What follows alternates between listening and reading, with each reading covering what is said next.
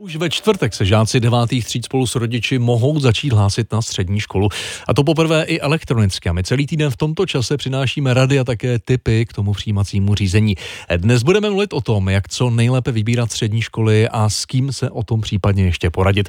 Ve studiu se mnou autorka projektu a seriálu, reporterka Eva Mikulka Šelepová. Dobré ráno, vítej. Dobrý den. Mění ten nový elektronický systém přihlašování na střední školy nějak zásadně strategii, jak k výběru přistupovat? Ano, v posledních letech letech, kdy základní školy začaly opouštět silnější ručníky a míst na středních školách úměrně tomu nepřibylo, tak byli uchazeči nuceni taktizovat. Často se tak hlásili na školy, kde měli jistotu, že vezmou.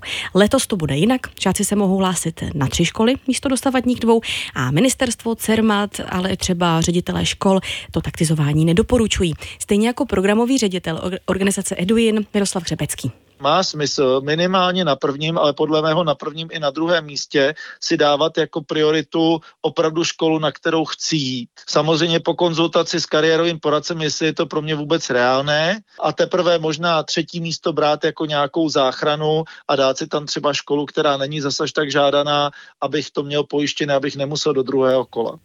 Řebecký dodává, že role kariérového poradenství je letos mnohem zásadnější než dřív.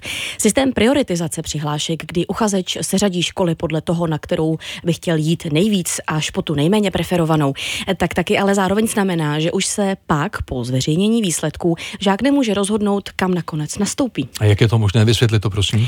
Pokud uchazeče vezmou, vezmou na školu, kterou měl na prvním místě, tak už ale pak nemůže říct, já jsem si to rozmyslel a chci jít na tu na druhém místě, i když na ní má dost bodů. Říct se toho umístění sice může, ale neznamená to, že se posune do té druhé školy v pořadí. Musel by se do té školy přihlásit znovu v druhém kole přijímacích zkoušek, jenže to je risk, protože místo už tam být nemusí. Firma dodává, že až 80% uchazečů se umístí už v prvním kole. Hmm.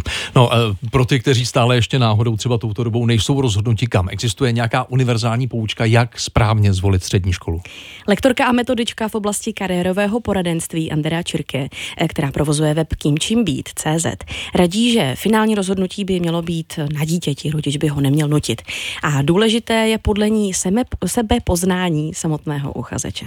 Pojmenovat, co mě baví ve škole, mimo školu, jaké mám silné stránky, když vlastně dělám něco, co mi dává energii, tak co vlastně při tom dělám, jaký svý dovednosti eh, využívám. Taky trošku popřemýšlet o tom, eh, jak bych chtěla žít, ta představa o té budoucnosti. Jak si představuji svůj život, kdy já budu spokojený.